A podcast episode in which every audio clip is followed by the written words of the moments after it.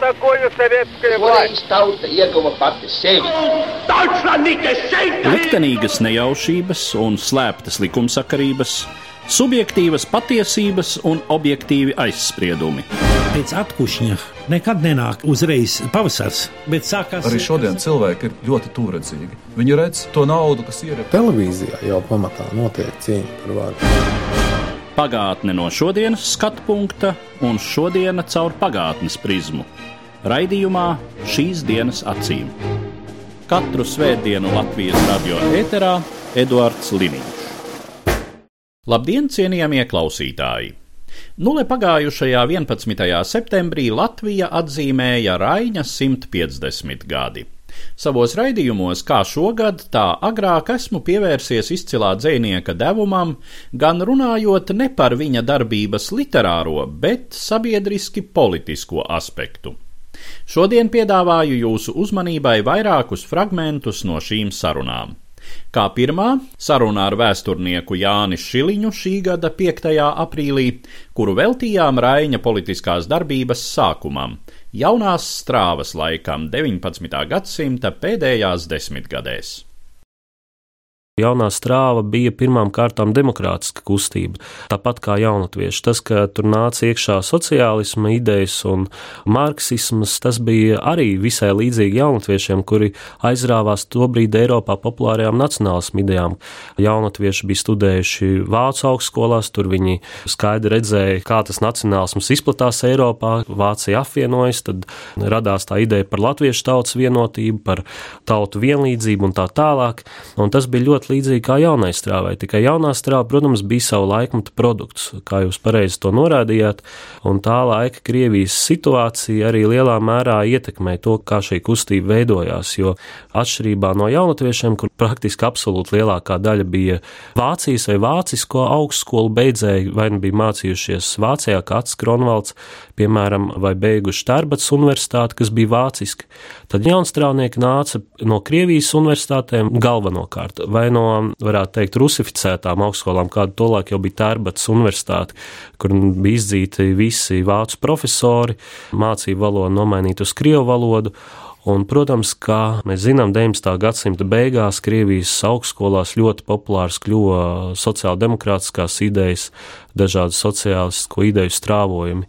Un, protams, tiek runāts par to Raina slaveno čemodānu, ar ko tika atvests sociālistiskās idejas Latvijā, bet pirmā saskarsme ar sociālismu idejām latviešu studentiem bija tieši studējot Krievijas augstskolās, piemēram, Maskavas universitātē, kur daži jaunie studenti tiekoties ar poļu kolēģiem uzzināja, ka ir tāds marks, un tas savā starpā apsprieda, vai piekrist tām idejām vai nē, un arī tas pats Veidenbaums jau agrāk bija iepazinies, acīm redzot, ar tām idejām tā, ka tur tā pārmantojamība bija un ļoti sarežģītā pozicionēt to jaunstrāvnieku kustību, vai tā bija iepriekšējās kustības jaunatviešu noliegums vai turpinājums. Nu, manuprāt, tā tomēr bija vairāk turpinājums tikai citā formā. Jaunstrāvnieki principā bija pirmā paudze, kas bija izaugusi pēc zimbūšanas atcelšanas, tāpat arī ļoti liela nozīme bija tam, kā attīstījās tolaik lauksaimniecība un ekonomiskā saimnieciskā dzīve Latvijā. Un nevelti gan 5. gada revolūcija taisīja saimnieku dēli, un arī jaunstrāvnieki savā absolūtajā vairākumā bija diezgan turīgu, bieži bagātu saimnieku dēli, jo tie ekonomiskie jautājumi, kas tobrīd bija nobrieduši, tie bija ļoti, ļoti aktuāli. Nu, iespējams, tā bija viena arī no jaunatviešu kustības problēmām un iemesliem, kāpēc viņa aizgāja mazumā, tas, ka viņi novērsās no sociāla-ekonomiskiem jautājumiem, pievērsās galvenokārt politikai un Rīgas dzīvē, atstājot laukus novārtā. Un jaunstrānieki lielā mērā aktualizēja zemnieku jautājumu, ekonomiskās problēmas, un, kas, protams, svarīgi Aspāzijas kontekstā un arī Raiņa kontekstā, tas ir sieviešu tiesību jautājums, kas kļuva ļoti aktuāls Eiropā, un Rāņa māsa Dora Pliekšāna bija pirmā latviešu izcelsmes sieviete, kas ieguva augstāko izglītību, un viņa aktīvi iestājās par sieviešu izglītošanu, savukārt Aspāzija savā daļradē iestājās par sieviešu tiesībām, pareizāk morālo līdztiesību ar vīriešiem, tā ka tur pārklājas ļoti daudz problēmas. Nu, Rainis, būdams dienas lapas redaktors, parādīja sev kā ļoti spējīgu žurnālistu, iespējams vienu no spējīgākiem latviešu žurnālistiem, ja nebūtu cara represija. Iespējams, mēs par viņu tagad atcerētos kā par izcilu publicistu vai izcilu redaktoru, nevis par literātu dzinieku. Un uh, viņa devums neapšaubām bija milzīgs tieši sociāldemokrātisko ideju, dažādu sociālistisko ideju ienešanā Latvijā. Varbūt turpat ir arī zināmā mērā jārunā par viņa māsas Doras ietekmi, ka viņa ir viena no nenovērtētajām sievietēm Latvijas vēsturē, ka tieši lielā mērā pateicoties viņai Rainis arī aizbrauca toreiz uz Šveici un uh, ieinteresējās par sociālistiskām idejām par tiem likteņiem. Ja Rainis netiktu represēts, mēs viņu atcerētos nedaudz citādāk, jo cietumā esot par laimi viņam bija tāda talantīga un izcila dzīves biedra, kas spēja motivēt Raini tajā grūtajā brīdī un arī radīja Raina literāro ģēniju tieši cietumā un izsūtījumā. Un Rainis interesantā kārtā tieši atrodoties cietumā, vēlāk izsūtījumā un vēl pēc 5. gada revolūcijas atrodoties trimdā Šveicē, bija tieši visproduktīvākais, atrodoties tādos apstākļos, ekstremālos apstākļos. Jaunstrānieku kustība arī radīja politiķi Raini, ne tikai literātu Raini, jo viņš visu mūžu interesējās par politiku un arī kandidēja uz Latvijas prezidenta amatu un aktīvi darbojās Sociāldemokrātiskajā strādnieku partijā, tika ievēlēts gan satversmes sapulcē, kur speciāli viņam un Aspāzijai izdarīja izņēmumu, viņiem izņēmumu kārtā atgriežoties no trimdas Šveicē ļāva piedalīties satversmes sapulces vēlēšanās, viņi tika ievēlēti, un viņu autoritāte bija ļoti liela. No Aspāzijas lielākais veikums, acīm redzot, ir tas, ka viņi arī no saimnes tribīnas cīnījās par sieviešu jautājumiem. Un Rainis gan ieņēma augstus amatus, izglītības ministrs, kultūras institūcijās augstus amatus ieņēma, bet viņa lielā nozīme ir, manuprāt, divos aspektos. Pirmā ir tās nacionālais aspekts, ko viņš ienesa sociāldemokrātijā, kas gāja no 5. gada revolūcijas un pat vēl agrāk internacionālisma virzienā, ko ļoti spilgti pārstāvēja viņa draugs, studiju biedrs Pēters Stučka, kur Latvija kā vienība ir tikai tik lielā mērā vērtīga, cik tā kaut kādā veidā darbojas globālās strādnieku kustības ietvaros un var veicināt strādnieku cīņu. Un Rainim un vairākiem citiem no jaunstrāvniekiem agrākajiem viņi gāja citā virzienā, tādā kā gāja citu Krievijas impērijas provinču sociālisti, piemēram, poļu virzienā, tādā sociāla demokrātijas un nacionālismu sintēzē. Un Raina devums šī aspektā bija ļoti liels. Un otrs aspekts, protams, tas, ka viņš bija morāla autoritāte sociāldemokrātija. Viņš bija ikona, tautā mīlēts, cienīts literāts un dzinieks. Un, zināmā mērā tā bija arī atšķirība no lielniekiem, kad lielnieki 18. un 19. gadā nonāca pie varas Latvijā, tad faktiski viņi saskārās ar tādu kā kultūras darbinieku boikotu pret viņiem, jo neviens īsti negribēja iestāties komunistiskajā partijā. Vienīgais, ar ko tāda ciešā kontakta tika izveidot un kas sadarbojās ar lielniekiem, bija tas pats Andrejs Upīts, bet viņš arī viņš neiestājās komunistiskajā partijā un Stučka arī cerēja Raini sagaidīt, atgriežoties padomju Latvijā, bet to viņš nesagaidīja, pēc tam 20. gados arī it kā koķetēšana starp padomju varu un Raini. Tā ka Rainis zināmā mērā atradās starp divām pusēm. Jau drīz pēc izsūtījuma un atgriešanās Latvijā vēstures grieži ierāva Raini un Aspaziju jaunā dramatiskā procesā - 1905. gada revolūcijā. Rainis pat kļuva par kaujas grupas vadītāju jūrmalā. Par Raini 5. gadā saruna ar Jāni Šiliņu šī gada 24. maijā. Un, zināmā mērā, ja mēs skatāmies uz 5. gada revolūciju, viņa ir ļoti līdzīga patiesībā atmodas laikam. 80. gada beigās abas revolūcijas bija faktiski dziesmotās revolūcijas, jo dziesmu un dziedāšanas nozīme 5. gada revolūcijā varbūt pat bija vēl lielāka atmodas laikā, varbūt salīdzināma, bet ļoti daudz kā līdzīgi un arī par atmodas laiku. Grūti runāt, nerunājot par radošo inteliģenci un tās nozīmi. Un arī, protams, 5. gadā tā bija ļoti liela loma. Es nezinu, vai var teikt, ka inteliģence vai rakstnieki, literāti bija tas galvenais spēks, kas atveda Latviju tieši līdz revolucionāriem notikumiem, lai gan, piemēram, 5. gada 13. janvārī strādnieku apšaušanā Daugomalā tur arī piedalījās vairāki dzēnieki, un viens no viņiem tika ievainots pat. Antons Austrēns. Bet, eh, manuprāt, tas būtu pārspīlēti teikt, ka tā dzēnieka un inteliģenta loma bija pašā revolūcijas priekšvakarā tik liela. Viņa bija ļoti liela revolūcijas gaitā un agrāk, jaunstrāvnieku laikā, to ideju formulēšanā un popularizēšanā, kuras tika liktas pamatā 5. gada revolūcijai. Tā ir atbrīvošanās ideja, ietverot šeit ne tikai sieviešu un strādnieku atbrīvošanos, bet arī tautas atbrīvošanos, zemnieku atbrīvošanos no mužnieku apspiešanas, bet teikt, ka šī revolūcija tika izauklēta kaut kādos literātu sajietos, sanāksmēs, drīzāk viņi izauga nelegālo strādnieku pulciņu sanāksmēs, kur inteliģence, vismaz tie redzamākie pārstāvji nepiedalījās. Tas pats Rains bija trimdā, tāpat daudz citi ievērojami revolucionāri, kuriem bija labas izglītības, atradās trimdā un faktiski tajā laikā pirms revolūcijas strādnieku kustība lielā mērā atradās to strādnieku rokās, kur bija um, ieguvuši labāku izglītību, kur bija aktīvāki, entuziastiskāki, un vēlāk daļa no viņiem arī paši aizrāvās ar dzejas rakstīšanu un literāro darbību, bet tas bija vēlāks posms. Par dzinieku lomu un rakstnieku runājot Latvijā, Tas arī ir milzīgs jautājums, jo latviešu sabiedrība, kā jau minēju, bija 19. gadsimtā izgājusi tādu būtisku modernizācijas procesu un veidojās politiskā nācija. Viens no politiskās nācijas raksturojošiem lielumiem ir sava kultūra, sava literatūra, kur ir dažādi strāvojumi, dažādi virzieni, un tāda tā bija arī 20. gadsimta pašā sākumā. Un varbūt Latvijas tā laika īpatnība bija, kas lielā mērā bija sociāla demokrāta vai sociālistiski noskaņotu spēku spēku ietekmēta, ka literatūrai ir jābūt sociālai, viņai ir jārunā par sabiedrībai svarīgiem jautājumiem. Ja tur nav aplūkotas cilvēkiem, tautai svarīgas lietas, tad tā literatūra ir nevērtīga. Nu, vismaz no tādām demokrātiskām pozīcijām raugoties, tas pats Rainis un Aspāzija, viņa dēradē arī šie sociālie jautājumi un netaisnības aspekti ir ļoti, ļoti izteikti, Rainis arī savā dzējā vēl pašā revolūcijas sākumā un acīm redzot arī pirms revolūcijas, kad tapa vētras sēja, tie dzējoļi ir ļoti, ļoti radikāli, un tur var redzēt to stingro pārliecību, ka būs pārmaiņas, ka tās neizbēgams, to visu gaidīja.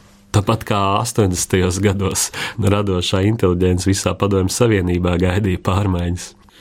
Runājot konkrēti par Raini, kas tad ar viņu notiek revolūcijas laikā, kuri ir tie notikumi, kuros viņš konkrēti iesaistās un, attiecīgi, līdz ar to kļūstot par uh, varas ienaidnieku, par recidīvistu no cara valdības viedokļa. Tas lielākais devums 5. gada revolūcijas laikā, protams, bija viņa dzēja, kas iedvesmoja, uzrunāja tautu, strādniekus, bet tā īpatnība bija, ka viņš līdz 5. gada rudenim, kad uh, oktobrī revolūcija sasniedza savu kulmināciju, viņam bija ļoti distancētas attiecības sociāldemokrātu vadību.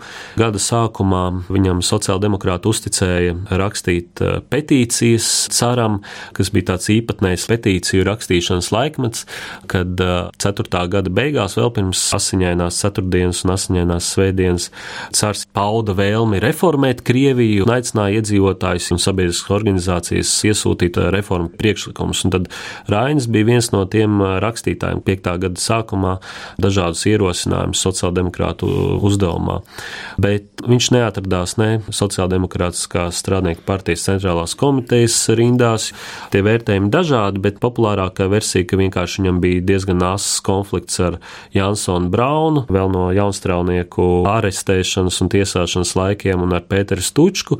It kā sociāldemokrāti aicināja aizmirst vecos aizvainojumus, bet līdz oktobrim Rainis tā aktīvi sociāldemokrātu vadībā kaut kādās lielās akcijās neiesaistījās. Jā, viņš jūrmalā acīm redzot, organizēja kādu revolucionāru grupiņu un piedalījās kādās darbībās, bet nu, es arī nedomāju, ka viņam kaut ko tur varētu tādu nopietnu inkriminēt. Rainis redzamāk uz skatuves parādās tieši oktobrī, kad, kā jau es minēju, revolūcija sasniedz kulmināciju pēc arī izsludinātā 17. oktobra manifesta, kas dod brīvību Krievijas pilsoņiem.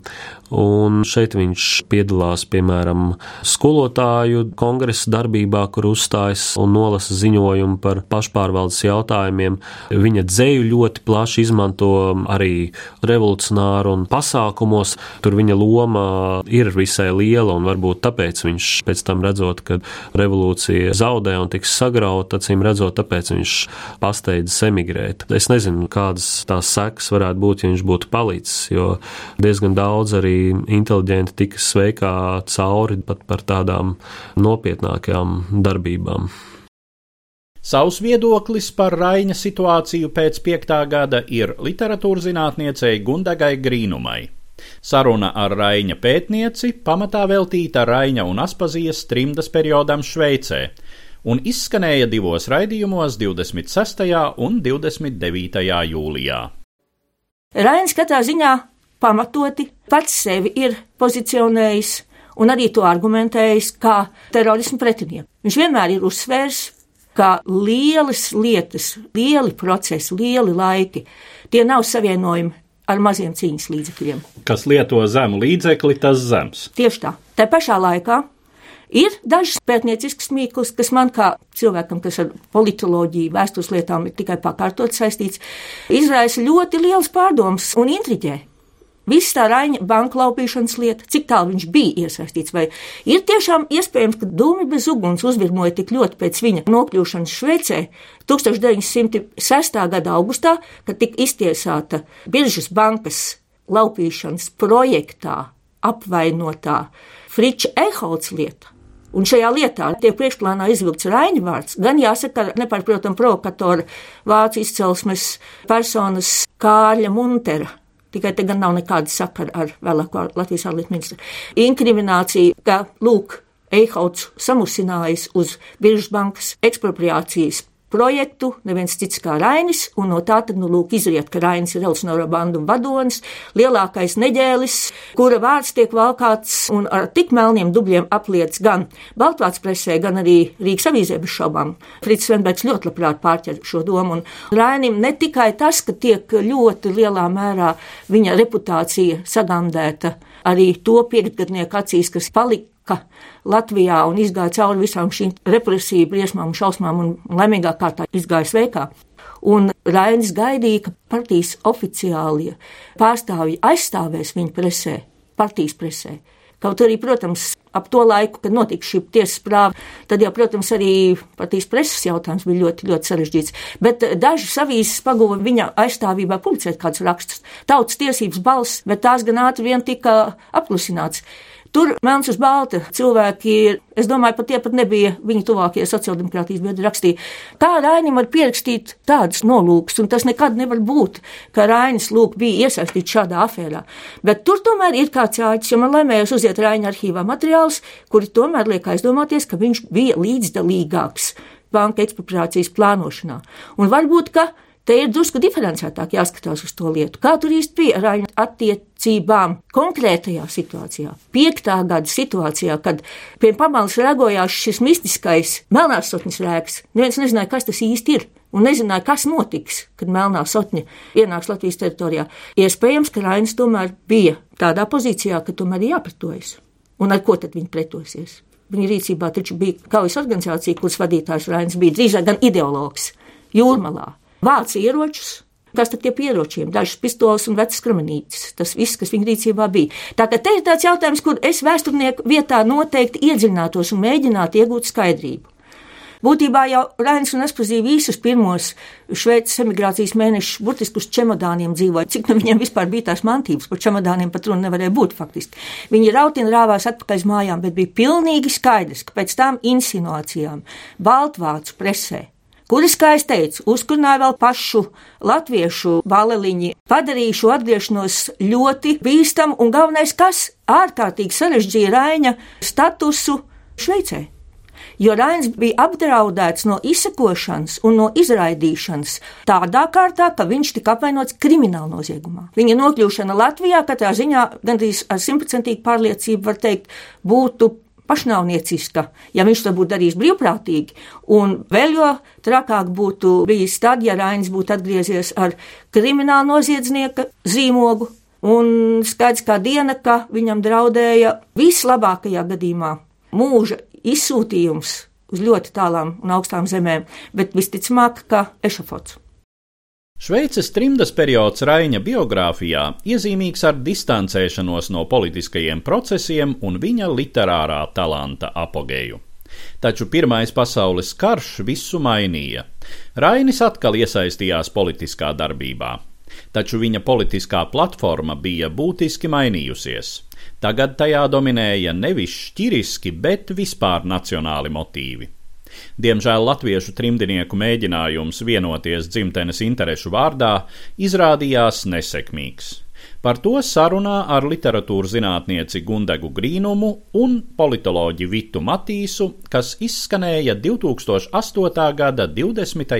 jūlijā pirmā darbība, lai palīdzētu realizēt šo neatkarības ideju, tomēr notikās ap 1915. gadu Šveicē, tad, kad eh, Šveicē tika izveidot eh, Latviešu komiteja, kur priekšsēdētājs bija Rainis.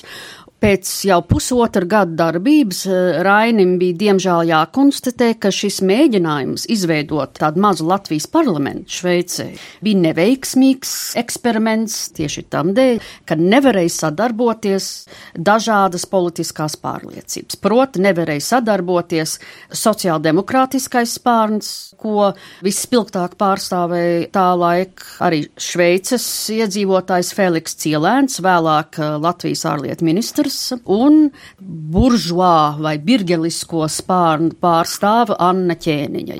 Un viņu rīvēšanās faktiski ir iemesls, kāpēc arī sabruk šis pirmais demokrātijas mēģinājums Šveicē, par ko starp citu ļoti brīnījās vietējie šveicieši, jo vietējie šveicieši ļoti, ļoti jauki sadarbojās Latvijas neatkarības un autonomijas idejas vārdā un brīnījās, kāpēc latviešiem tas, ko šveicieši var darīt latviešu labā, kāpēc latviešiem tas kaut kā neizdodas. Ja? Un šeit eh, man šķiet, ka Austa Krauza Ozoliņa, kas bija šīs komitejas, viņi arī pēc pusotra gada darbības konstatēja, ka šī latviešu nespēja sadarboties ir ļoti nožēlojumi, un viņi izsaka tādu teikumu, ka šveicieši dažādo partiju cilvēku var apvienoties latviešu tautas pašnolemšanas prasību vārdā, mēs latvieši paši.